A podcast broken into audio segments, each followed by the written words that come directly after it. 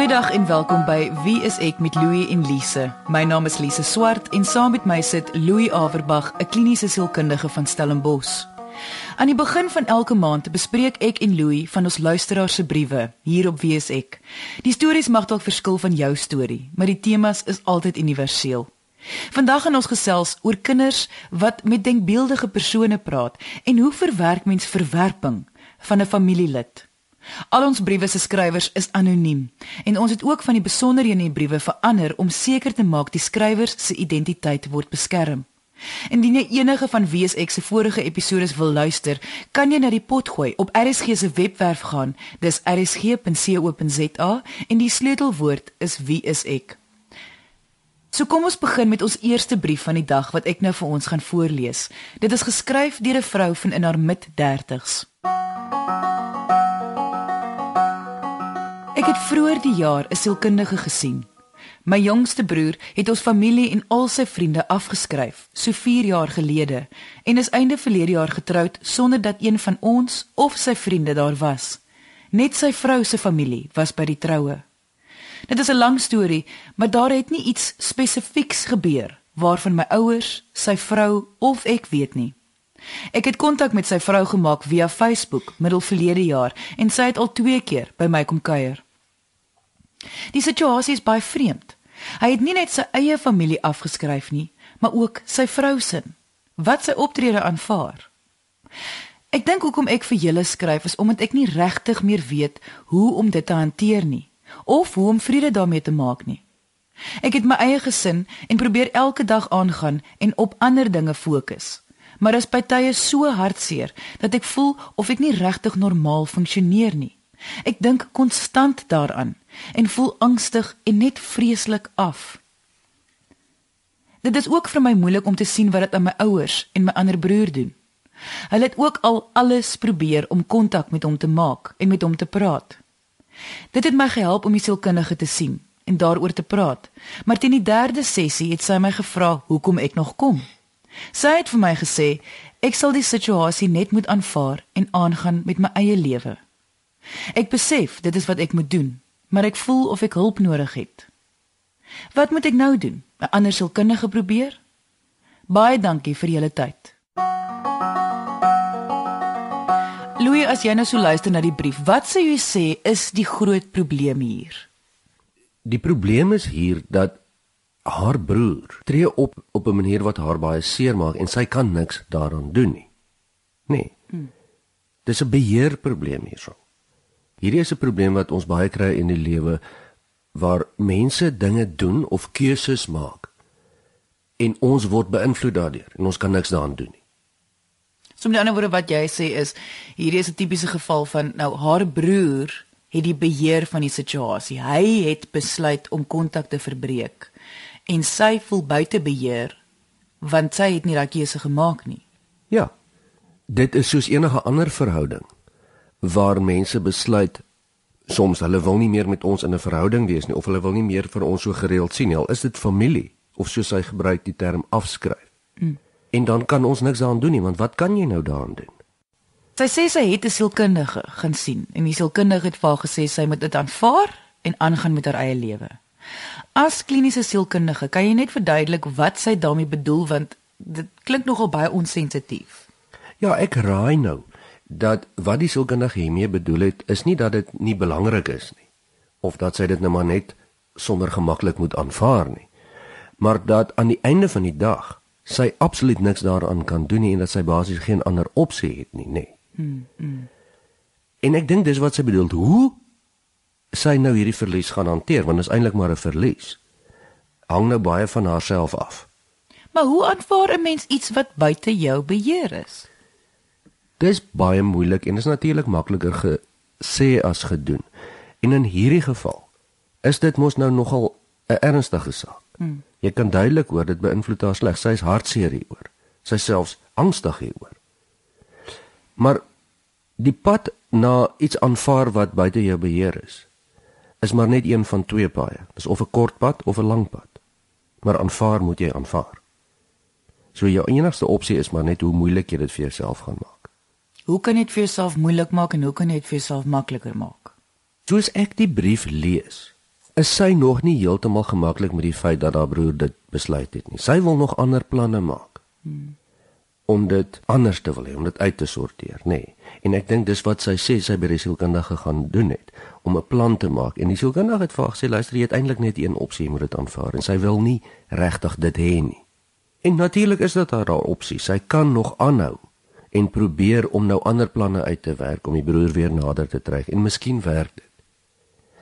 Maar dit lyk nie asof dit gaan werk nie. So dit gaan baie meer hier oor wat maak dit vir my so verskriklik moeilik dat ek so hartseer is en so angstig raak dat ek amper nie kan leef nie. So wat spesifiek is dit vir my so swaar? En dit is dalk die pad wat sy dan kan loop met 'n sielkundige. Indien jy wil hê ek en Louie moet jou brief, storie of vraag hier op Wie is ek bespreek, kan jy ons kontak deur ons webwerf wieisek.co.za of gaan na ons Facebookblad onder Wie is ek met Louie en Lise. Onthou alle briewe wat bespreek word sal anoniem bly. As ek jou reg verstaan wil ek amper sê dis asof sy so half moet op die punt kom dat sy moet respekteer. Dit is hoe haar broer voel en sy moet dit laat gaan. En deur dit laat gaan, moet sy probeer uitvind hoekom pla dit haar so verskriklik dat haar broer hierdie keuse gemaak het. Ja. Nou dit klink voor die hand liggend. Dit klink asof dit mos vir enige iemand sal pla. Hmm. Maar dis nie noodwendig waar nie. Daar is baie families waar broers en susters byvoorbeeld nie met mekaar praat nie of met die familie praat nie. En baie keer pla dit nie die ander familielede nie of broers of susters nie. Nou ek sê nie dis 'n goeie ding nie. Dis net hoe dit is, ja. Dit is maar baie hoe dit is. Nou hier is spesifieke omstandighede vir haar. Wat pla haar so verskriklik? Is dit die feit dat dit die lewe so hartseer kan wees? Is dit die feit dat sy voel sy het iets verkeerd gedoen? Is dit die hartseer wat sy sien dat aan haar ouers doen? En al hierdie dinge is geldig. Maar sy kan nog steeds niks daaraan doen nie. Sy het al alles gedoen wat sy kan. Sou mens dan voorstel dat dit is eintlik die pad wat sy saam met die sielkundige moet loop nie. Is nie die plan uitwerk hoe gaan ek my broer kry om weer met ons kontak te maak nie. Maar liewers gaan werk aan 'n plan met die sielkundige van hoekom is hierdie vir my so verskriklik moeilik om te aanvaar. Ja. So die hulp wat sy nodig het, heeltemal reg, is nie hoe om nog 'n oplossing te kry vir die probleem nie, want die oplossing lê nie by haar nie. Sy kan nie hierdie probleem uitsorteer nie. Die probleem is presies soos wat jy sê, hoe kan sy dan die beste lewe met die keuse wat iemand anders gemaak het in die geval haar broer? En almal van ons word daagliks met hierdie probleem gekonfronteer. As dit nie ons broer is nie, is dit ons werkgewer. Hmm. Of die persoon met wie jy 'n verhouding is wat nie meer met jou daar wil wees nie. Dis ook 'n goeie voorbeeld van 'n besluit wat uit jou hande uitgeneem word.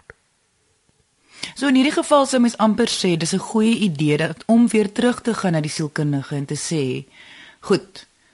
Daai plan verstaan ek nou hoekom dit nie wou werk nie. So kom ons werk aan die volgende plan want ek sukkel nog steeds." En wat my nogal pla is dat sy so angstig voel en so afvoel. Sou dit verkeerd wees om my om aan te neem dat sy moet dit tog maar aanspreek? Want duidelik is hierdie situasie besig om 'n effek op haar lewe te hê. Definitief. My eerste vraag sou hier wees: wat maak dit vir jou so erg dat jy amper nie deur jou daaglikse lewe kan kom nie? Hmm. Natuurlik is dit hartseer, natuurlik is dit ontstellend. Maar wat maak dit dan vir jou so verskriklik erg? Waarmee sukkel jy spesifiek uniek aan jouself met hierdie situasie? Dit gaan nie hier oor die rede waarom jou broer nie meer met die familie wil praat nie. Dit gaan oor wat dit vir jou so sleg maak. Jy luister na Wie is ek met Louie en Lise op RSG 100 tot 104 FM. As ek nou so luister, eh, dit is nogal die verskil tussen die eksterne faktore en interne faktore. Met ander woorde, wat my heel eerste reaksie is as ek nou probeer dink hoe sou sy nou dit antwoord, is die effek wat dit op my familie het. Ek is lief vir my broer, ek mis hom. Ja. Nou die effek wat dit op my familie het is 'n ekstern faktor. Jy praat nou van intern, daai van ek is lief vir hom, ek mis my vriend, dalk ek mis ehm um, die verhouding wat ek met my broer gehad het. Dis 'n interne ding. Ja, want die die antwoord van hantering van die lewe lê altyd in beheer. Dit is so dat dit in die lewe gebeur dat mense wat nie eintlik veronderstel is om weg te gaan van mense af nie, soos familie. Dan besluit hulle wil dit doen. Hmm. Nou as mense fokus van jou beheer by ander mense is, met ander woorde, as ander mense dan 100% beheer het om jou dan seer te maak of kwaad te maak of bly te maak, beteken dit jou beheer lê buite jouself. Die geluk van jou is van jou broer afhanklik of van jou ouers of van jou vriende of van jou man of vrou. Dit beteken as hulle dan kom en hulle wil nie meer met ons praat nie of hulle is nie meer lus vir ons nie, dan is ons ongelukkig. En as almal mooi optree soos wat hulle moet optree, dan is ons gelukkig. En mens kan ons nou sien wat die probleem hiermee is. Die probleem is dat die lewe is 'n baie onideale plek. En die onideale dinge gebeur elke dag. Hoe aklig dit ook al is, dis niks vreemds nie. En die vraag is hierso, wat vir my dit moeilik maak om te hanteer dit wat die lewe na my toe gooi en wat dit vir my makliker maak. Die rede lê nie ekstern nie, dit lê nie in die broer se optrede nie, dit lê binne in haarself. So mens moet eintlik 'n sinoniem gee vir die woord beheer en dit is verantwoordelikheid jy moet verantwoordelikheid neem vir jouself. Jy moet ophou om jou geluk se verantwoordelikheid hang af van iemand anders. Wel dit is die teorie en dit is tog die realiteit daarvan. daarmee saam sê ek nie ag, nou skud jy maar van jou skouers af dat jou broer nou nie met julle wil gesels nie en dit is nou maar net oukei. Okay. Natuurlik is dit sleg. En natuurlik is dit nie iets wat mens graag wil aanvaar nie. Maar as jy dan nou baie hartseer en angstig is op hierdie stadium, lê die antwoord nie in om die verhouding te herstel met die broer nie, want hy wil nie. Hmm. Die die antwoord lê om binne in jouself beheer te vat oor dit wat jy niks aan kan doen nie. En te vra en en te besluit en te beplan, nou maar goed, hoe gaan ek dan nou aangaan met my lewe sonder dat ek my broer in die prentjie. So die konklusie van vandag se brief is sou ek sê is wat ek net nou gesê het. Sy moet probeer uitvind hoekom ontstel haar broer se keuse haar so verskriklik dat dit so effek op haar lewe het. So sy moet liewer teruggaan na die sielkundige of saam met haar ouers of die ander broer praat daaroor en saam probeer uitvind hoekom ontstel dit so vir hulle, nie net die vooraanliggende redes nie. En dan 'n ander plan saam met die sielkundige sou ek sê is 'n goeie opsie, omdat dit al klaar daar was. 'n Ander plan dan uit te werk oor hoe om dan daarmee te werk. Daai rede, die rede hoekom dit vir haar so erg is. En daardeur behoort sy dan vrede te vind in die situasie. Want dit is die enigste iets waaroor sy beheer het. Hmm. En die broer het duidelik laat verstaan dat dit waaroor hy beheer het, met ander woorde sy keuses van wie hy wil sien en wie nie, het hy uitgeoefen. En mens kan niks daaraan doen nie. Ten minste nie vir nou nie. Lyk dit my. Ons bespreek vandag 'n paar van ons luisteraars se briewe. Indien jy nou eens ingeskakel het en graag wil luister na die eerste brief wat ons voor die advertensiebreek bespreek het, dit het gehandel oor die verwerking van die verwerping van 'n familielid. Kan jy na vandag se episode gaan luister as 'n potgooi op RSG se webwerf. Dis rsg.co.za en die sleutelwoord is wie is ek? Kom ons luister nou na ons volgende brief. Dit is geskryf deur 'n ouma van in haar laat 60's wat 'n vraag het oor haar kleinkind. Ek het geluister na julle praatjie oor die alkolikus wat met denkbeeldige mense praat. Ek het egter 'n kleinkind van 6 jaar, hyperintelligent, geweldig skepend en sterk verbeeldingskrag. Sy gesels al van kleins af met 'n denkbeeldige persoon, asof die mens langs haar sit. Dit is 'n baie positiewe situasie en sy vertel die iemand van haar speelgoed, hoe mal sy oor diere is en wat hulle name is en oor alles wat vir haar van belang is. Dis nie asof sy eensaam is nie. Sy het 'n ouer boetie. Haar ma werk wel, maar sluit hulle in alles in en sy is altyd tussen maatjies by die crash. Ek wonder net Louis of jy iets van hierdie situasie kan vertel. Baie dankie, 'n besorgde ouma. Louise verwys na 'n praatjie wat ons hier op Wees ek gehad het oor 'n persoon wat 'n alkoholverslawing het en wat as gevolg daarvan psigose ontwikkel het. Kan jy net vir ons gou verduidelik wat daar gebeur het? Ons het gepraat van psigose wat 'n breek met realiteit is. Hmm. Soos wanneer iemand veral dinge sien wat nie daar is nie, dinge hoor wat nie daar is nie, nê. Nee. Baie van die oorsake van psigose kan onder andere dwelms of alkohol wees. En dit is wat ons in die program behandel het. So met ander woorde, as gevolg van die persoon se alkoholverslawing het hulle psigose ontwikkel. Dis reg. Wat hierdie dogtertjie doen om met denkbeeldige persoon te praat, word nie beskou as psigose nie, né? Nee, dit doen nie en dit gaan daaroor dat ons moet die ontwikkelingsstadium van mense in ag neem. Wat baie normaal is vir 'n kind van 6, 7 jaar oud, is absoluut nie normaal sê maar van iemand van 26 jaar nie, nee, en andersom. Hmm. En omdat kinders op die ouderdom van hierdie kind wat die ouma van skryf, nog nie volledig haar verstand ontwikkel het nie. Sy is met ander woorde nog nie 'n heeltemal 'n bewuste persoon nie. Daar's nog baie dinge wat in haar wêreld is wat nie 100% logies is nie. Hmm. Gaan ons nie so verskriklik besorgd hieroor wees nie, want ons baie van ons ken hierdie ding by kinders. Ja. Baie van ons het dit self ervaar. Ek dink ek kan onthou dat ek dit ook self ervaar het. Dit is algemeen vir kinders van sekere ouderdomme om denkbeeldige maatjies te hê. Daar is gevalle waar kinders van jong ouderdomme kontak met realiteit verloor en dan regtig psigoties raak. Nou hoe sal mens onderskei? Mens gaan onderskei deur te kyk by 'n jong kind of hy of sy dit daarom deel maak van haar ander lewe. Soos wat die ouma hier beskryf. As die denkbeeldige maatjie sommer nou openlik bespreek word met die ander gesinne. So die meisie sit nou daar by die tafel en hier word nou vir die maatjie ook 'n bord gedek tussen die ander familielede in en sy verwys na die maatjie met haar ouers en en met haar ander vriendinne en so dan is dit eintlik heeltemal normaal nê. Nee. Ja. Ek dink die probleem kom in waar kinders in die geheim en ontoepaslik psigoties raak. Waar jy kan sien maar nou kan hulle skielik nie meer skool toe gaan nie of hulle kan glad nie meer met die ouers gesels nie of hulle kan nie deelneem aan dit wat alledaags vir hulle belangrik is nie soos om te speel. Hmm. Dan het ons 'n probleem. Ek gaan nou in my onkunde hierso nou net iets raai, maar as ek nou dink aan so 'n situasie.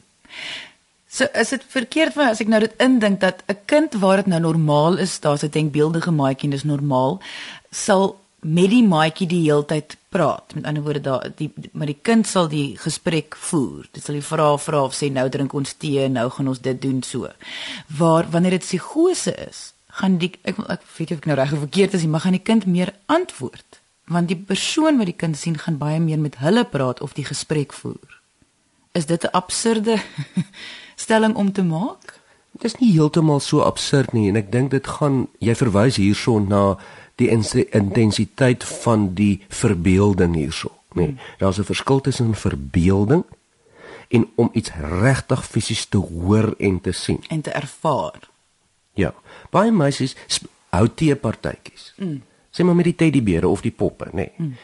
En gesels dan met die teddybeere en die poppe. Ons het dit almal gedoen, maar dis verbeelding. Hmm. Ons weet eintlik of die kind weet eintlik dat teddybeere en poppe kan nie regtig tee drink en saamgesels nie. Dit is wanneer jy agterkom dat die kind dit raak 'n normaliteit of daar is 'n realiteit aan wat die kind ja, veral rondom ouderdom. Met ander woorde, as dit hier na 7 jaar, 8 jaar, 9 jaar oud begin gaan, dan raak dit nou 'n probleem want dan is dit nie meer heeltemal binne die ontwikkelingsstadium.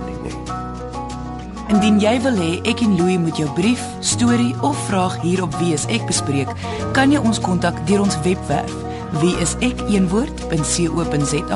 of gaan na ons Facebookblad onder Wie is ek met Louie en Lise. Onthou alle briewe wat bespreek word sal anoniem bly.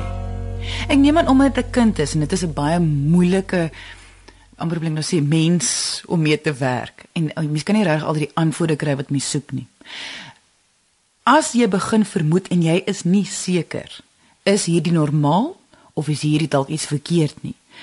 Moet mens liewers na 'n professionele persoon toe gaan. Nou praat ek van 'n kliniese sielkundige wat byvoorbeeld spesialiseer in kinders en die behandeling van kinders. Ja, en dit kan mens begin doen as jy agterkom maar die kind gebruik hierdie verbeelding as 'n hantering van iets, as 'n ontvlugting om 'n probleem te hanteer, nê. Nee. Hmm. Eerder as wat dit net lekker speel is en geniet die denkbeeldige maatjie saam met die ander maatjies en die ouers en die familie. Dan kan mens sê, nou goed, kom ons maak miskien net seker. En ons gaan kyk na iemand wat opgelei is hier soos wat jy die kind na 'n pediater sou vat of na 'n uroloog as daar blaasprobleme is. As jy dan nou ernstig vermoed genade maar hierdie is nou baie ontoepaslik. Hierdie is nou nie nou net bietjie verbeelding nie. Hmm. Dan gaan jy na 'n 'n 'n professionele persoon. Die meeste van ons doen dit mos nou maar. Kyk, baie mense is bang vir, vir sielkundiges. Dit is nou maar hoe dit is. Nou wil ek nog sê om dan nog jou kind op te vat na 'n sielkundige, net om almal gerus te stel wat presies gebeur by 'n kliniese sielkundige wat spesialiseer in die behandeling van kinders. Afhangende van die ouderdom van die kind. Fokus sielkundiges wat hierin gespesialiseer is op die kinders se ontwikkelingsareas. Met ander woorde, as jy nou met 'n kind van 7 jaar na 'n sielkundige toe gaan, gaan die sielkundige tog nou nie met die kind sit en gesels daar soos met 'n groot mens nie. Hmm mense wat daarin opgelei is doen spelterapie. Hulle speel met die kind, maar dis gestruktureerde spelterapie, dis beplande spelterapie. Dis die taal van psigoterapie met kinders, is speel. Hmm. En dis 'n baie spesifieke manier van werk met kinders. Nie alle sielkundiges is opgelei daarin nie en dit vat 'n spesifieke benadering. Hmm. Nee, hoe ouer die kind is, hoe meer pas mens die praatmetode toe. Maar tot en met 11, 12 jaar rige ouderdom is dit baie meer algemeen vir sielkundiges wat met kinders spesialiseer om in 'n vorm van spelterapie te werk. En net om die ouers ook gerus te stel, hulle sal deel wees van die proses. Dit is absoluut kernbelangrik dat ouers moet deel wees van 'n benadering daar waar kinders in terapie is en hulle is gewoonlik. Ja. Jy luister na Wie is ek met Louie en Lise op RSG 100 tot 104 FM. In ons brief vandag sien ons dat 'n ouma vra of sy moet bekommerd wees as haar kleindogter 'n denkbeeldige maatjie het. Mm -mm. En ons sien nee wat dit is deel van kinders se groot word deel van kinders se ontwikkeling op 'n sekere stadium as hulle jonk is en dit word daarom lekker saam gedoen met 'n normale ontwikkeling. Die kind speel daarom met ander maatjies ook en deel daarom met die gesin en die familie ook. Daar's niks meer verkeerd nie. Maar ons moet mooi kyk as dit gebruik word om duidelik emosionele probleme te hanteer, nê? Nee, of as dit afgeslote gebeur en daar is duidelik 'n vlak waar die kind totaal met realiteit kontak verloor. Dan raak dit 'n probleem.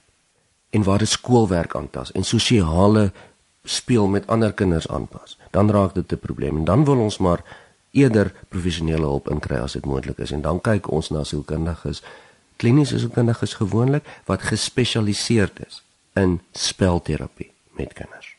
Ons het nou nie vreeslik baie tyd oor nie, maar die afgelope tyd het ons baie briewe gekry waar hulle net die een almal dieselfde vraag vra en dit is kan jy asseblief net verduidelik wat is 'n grenspersoonlikheidsversteuring? Grenslyn persoonlikheidsversteuring of in Engels borderline personality disorder, nê. Nee.